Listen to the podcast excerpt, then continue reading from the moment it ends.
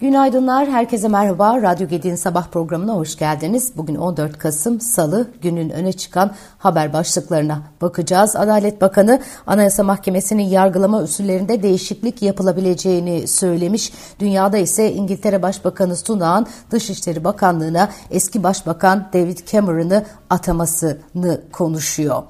Yargıtay'ın 8 Kasım'da tutuklu Türkiye İşçi Partisi Hatay Milletvekili Can Atalay için hak ihlali kararı veren Anayasa Mahkemesi üyeleri hakkındaki suç duyurusunda bulunma kararı almasını değerlendiren Adalet Bakanı Yılmaz Tunç, yeni anayasa çalışmalarının hızlandırılması gerektiğini söyledi. Bakan Tunç, Can Atalay'ın tutukluluğu konusunda Anayasa Mahkemesi ve Yargıtay arasında hem kanundan hem de anayasadan kaynaklanan bir belirsizlik yaşandığını söyledi. Süratle bu belirsizlikleri gidermemiz lazım. Anayasa Mahkemesi Mahkemesi'nin yargılama usulleriyle ilgili kanunda değişiklik yapılabilir dedi.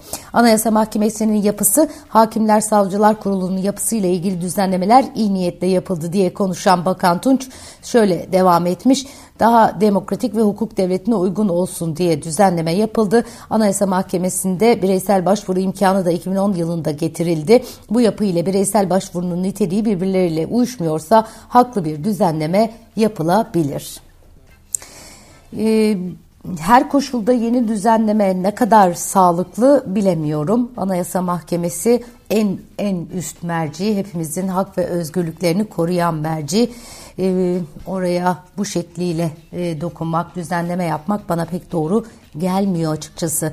CHP'nin yeni Merkez Yürütme Kurulu 38. olan kurultay sonrası Genel Başkan Özgür Özel başkanlığında ilk kez toplandı. MYK sonrası gazetecilerin karşısına geçen parti sözcüsü Deniz Yücel, yüksek yargıda yaşanan krize ilişkin Cumhurbaşkanı Erdoğan'ın hakem olacağım açıklamasını şöyle değerlendirdi. Biz bir kabile devleti değiliz. Cumhurbaşkanının hakemlik psikolojisine girmesi kabile devletlerini anımsatıyor. Yargıtay olmayan bir yetkiyi kullanmıştır. Yargıtay'ın vermiş olduğu karar yok hükmündedir. Dolayısıyla Yargıtay gibi köklü bir tarihe sahip ve yüksek yargıçlardan oluşan bir kurumun çıkardığı bu yargı krizini kendilerinin düzeltmesi gerekiyor. Evet, ee, Kocaeli Emniyet Müdürü Faruk Karaduman, Starbucks'ta kahve içen müşterilere İsrail'i protesto amacıyla müdahale edildiği yönündeki görüntüler ilişkin soruşturma başlatıldığını açıklamış.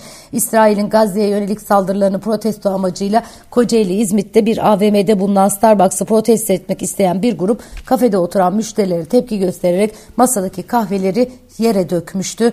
Kocaeli Emniyet Müdürü Faruk Karaduman, İsrail'i protesto adı altında Kocaeli genelinde halkı rahatsız edecek eylemler içinde bulunanlara işlem başlatacaklarını açıkladı.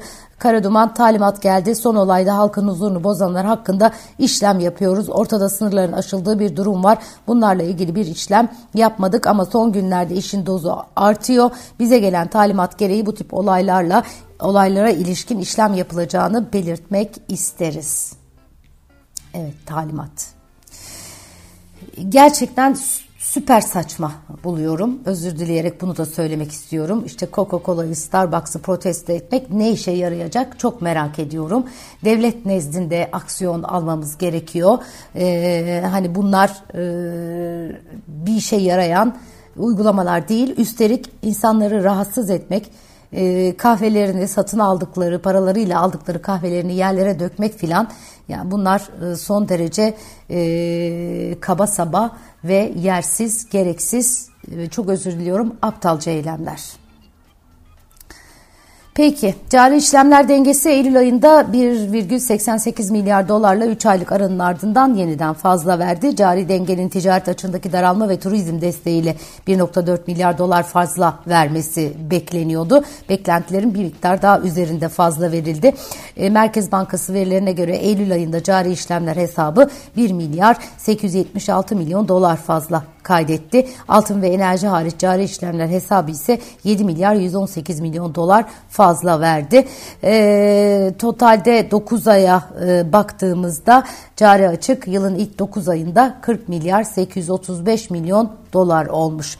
Bakan Şimşek de cari denge ile ilgili bir açıklama yapmış. Ee, Hazine ve Maliye Bakanı Mehmet Şimşek sosyal medya hesabından Merkez Bankası tarafından açıklanan Eylül ayı ödemeler dengesi verilerine ilişkin e, yaptığı paylaşımda yıllık cari dengede son iki ayda 7,3 milyar dolar iyileşme sağlandı. Program öngörülerimiz doğrultusunda bu iyileşmenin devamını bekliyoruz değerlendirmesini yapmış. Öte yandan Merkez Bankası tarafından açıklanan ödemeler dengesi verilerine göre Eylül'de cari işlemler hesabı 1 milyar 876 milyon dolar fazla vermişti. E, Deutsche Bank analistlerine göre 2023'te en kötü performansı gösteren gelişen ülke tahvili olan Türk tahvilleri 2024'te en iyi performans gösteren tahviller olacak. Analistler yapısal olarak boğa tutumuna dönmek için hala birkaç ay daha var. TL tahvillerde 200-400 bas puanlık daha fiyatlama aralığı olacaktır. Bundan sonra ise bu tahviller yapısal perspektif dolayısıyla değer sunacaktır ifadesini kullandı. Deutsche Bank son yıllarda para politikasına müdahale gibi nedenler nedenlerle milyarlarca liralık çıkış olduğu varlık sınıfında dönüş bekleyen diğer kurumlara katıldı. Geçen ayda JP Morgan e, stratejistleri benzer bir e, tahmin yapmış. 10 yıllık lira cinsi tahvillerin getirisi için adil değeri %35,7 civarında gördüklerini ve bu seviyeye ulaşana kadar beklemede kalacaklarını açıklamışlardı. Diğer yandan Goldman Sachs 2024 görünüm raporunda Merkez Bankası'na ilişkin tahminlerini paylaştı. Raporda Türkiye Cumhuriyet Merkez Bankası'nın bu yıl faiz arttırımlarına devam edeceği ve politika faizinin %40'a kadar yükseleceği öngörüldü. Banka 2024'ün 3. çeyreğinde faiz indirimlerinin başlayacağı yıl sonunda faizin %40'dan %25'e gerileyeceği tahminlerine yer verdi. Merkez Bankası son toplantısında politika faizini 500 bas puanlık artışla %30'dan %35'e yükseltmiş ve faiz artırım döngüsünün süreceği mesajını vermişti. Evet başlarken söylemiştim dünya İngiltere'deki siyasi krizi konuşuyor. İngiltere Başbakanı Rishi Sunak Filistin yanlısı gösterilere izin verdiği için Londra polisini taraf tutmakla suçlayan İçişleri Bakanı Suella Braverman'ı görevden aldı. Sunak bu göreve Dışişleri Bakanı James Cleverly'i getirdi ve Cleverly'nin yerine es, yerine ise eski başbakanlardan David Cameron atandı. Başbakan Sunak'ın sözcüsü bu görev değişikliği başbakana ülkenin uzun vadede ihtiyaç duyduğu değişimi sağlaması için ortak hareket edeceği bir ekiple çalışma imkanı verecek demiş. Muhafazakar Parti 13 yıl sonra iktidara taşıyan ve 2010-2016 yılları arasında başbakanlık yapan David Cameron İngiltere'nin Avrupa Birliği'nden ayrılmasının kararlaştırıldığı Brexit referandumu sonrası istifa etmişti.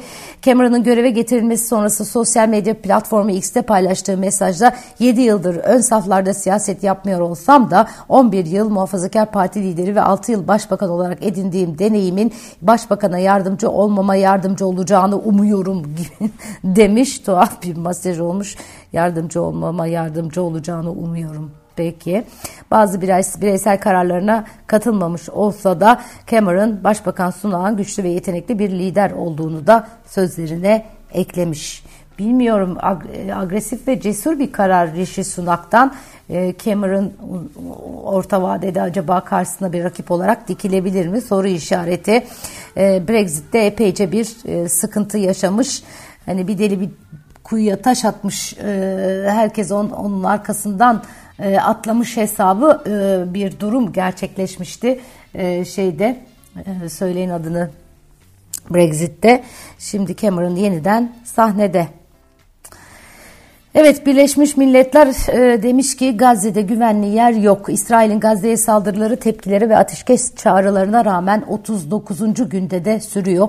Birleşmiş Milletler Yakın Doğu'daki Filistinli mültecilere yardım ve bayındırlık ajansı Genel Komiseri Filipe Lazzarini Gazze'nin güneyindeki Refah kentinde bulunan e, UNRWA'in misafirhanesinin yani bu Birleşmiş Milletler Yakın Doğu'daki e, yardım ve bayındırlık ajansı Fransa'nın misafirhanesinin İsrail güçlerinin önceki gün denizden düzenlediği saldırılar nedeniyle ağır hasar aldığını aktarmış. Lazarini, İsrail güçlerinin Gazze'nin güneyindeki Birleşmiş Milletler binasına düzenlediği bu son saldırının bölgede güvenli bir yer bulunmadığının yeni bir göstergesi olduğunu söylemiş.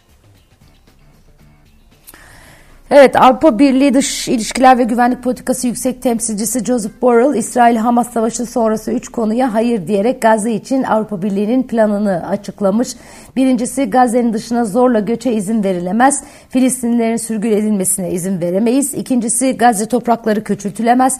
Gazze toprakları İsrail tarafından işgal edilemez. Üçüncüsü ise Gazze'deki durum Filistin meselesinin çözümünün bir parçası olmak zorunda. Borel, Batı Şeria'yı yöneten mevcut Filistin yönetiminin güçlendirilmiş bir versiyonunun Gazze'de olabileceğini kaydetmiş. Filistin meselesinin çözümü için meşruiyeti olan tek bir Filistin yönetimi bulunması bunun da Birleşmiş Milletler Güvenlik Konseyi'nce kabul edilmesi gerektiğini söylemiş. Borel şu anda e, bir Filistin yönetimi var. Yeni bir Filistin yönetimi icra etmeyeceğiz e, diye, icat etmeyeceğiz diye konuşmuş. Peki. Evet, e, Amerika e, 2024'de 66,6 milyar dolarlık açıkla başlıyor. ABD federal hükümetinin bütçe açığı 2024 mali yılının ilk 6 e, ilk ayı olan Ekim'de geçen yılın aynı dönemine kıyasla %24 azalışla 66,6 milyar dolar oldu. Federal hükümet 2023 mali yılının aynı ayında 87,9 milyar dolarlık bütçe açığı vermişti. Evet, Başka neler var? Şöyle bir bakıyorum. Ee, yabancı yatırımcıdan 492,7 milyon dolarlık satış diye bir habere imza atmış Ekonomi Gazetesi. Yabancı yatırımcılar Ekim ayında üst üste 3. ayda da net satış pozisyonda yer alırken 492,7 milyon dolar net satış gerçekleştirdi deniyor. Nerede? Borsada. Enteresan bir haber var. Yeni yılda 7 gün izin alınarak 40 gün tatil yapılabilecekmiş. 2024 yılı tatil açısından şanslı başlıyor. Ee, en uygun.com e, bir e, bu e, veriyi paylaşmış. E, ee, 2024 yılı tatil açısından şanslı. Yılın ilk günü pazartesiye denk geliyor ve hafta sonuyla birleştirilerek 3 günlük bir yılbaşı tatili fırsatı sunuyor. Yılın ikinci tatil imkanı 9 Nisan Salı 12 Nisan Cuma tarihleri arasındaki Ramazan bayramı döneminde yaşanacak. Tatili 8 Nisan pazartesiden itibaren bir buçuk gün izin alarak tüm haftaya yaymak ve bir önceki hafta sonunda ekleyerek 9 güne çıkarmak mümkün olacak. 23 Nisan Ulusal Egemenlik ve Çocuk Bayramı 2024'te salı gününe denk geliyormuş. Pazartesi izin aldığınızda 4 günlük bir mola fırsatı ortaya çıkacak deniyor. Ee, ondan sonra Başka ne var? 1 Mayıs e, Emek ve Dayanışma Günü 2024 yılında çarşambaya denk gelecekmiş. 29-30 Nisan'da izin alabilenler hafta sonu ile birlikte 5 günlük bir tatile çıkabilecek deniyor. E, ikinci 9 günlük tatil fırsatı Kurban Bayramı'nda pazar ve çarşamba tarihlerini 16 Haziran pazar 19 Haziran çarşamba tarihlerini kapsayacakmış. Perşembe ve cuma izin alanlar 9 günlük bir tatil yapabilecekmiş. Ee, bir diğer dönem Temmuz'da pazartesiye denk gelecek 15 Temmuz Demokrasi ve Milli Birlik Günü tatili hafta sonuyla birleşecek deniyor. 30 Ağustos Zafer Bayramı da 3 günlük tatil imkanı sunacakmış. Cumhuriyet Bayramı'nda 4 günlük tatil var. 29 Ekim Salı'ya denk geleceği için pazartesi yarım gün izin alınması durumunda 4 günlük bir tatil fırsatı doğacak deniyor. Vay vay vay. Gerçekten 2024 tatil tatil tatille geçecek.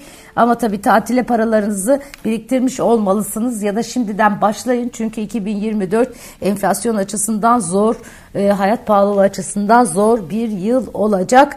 Yine de e, tatil olsun benim olsun gerekirse evde otururum diyenler için müjdeli bir haber olarak kayıtlara geçebilir. Güzel bir gün dilerim. Yarın yine aynı saatte görüşmek üzere. Hoşçakalın.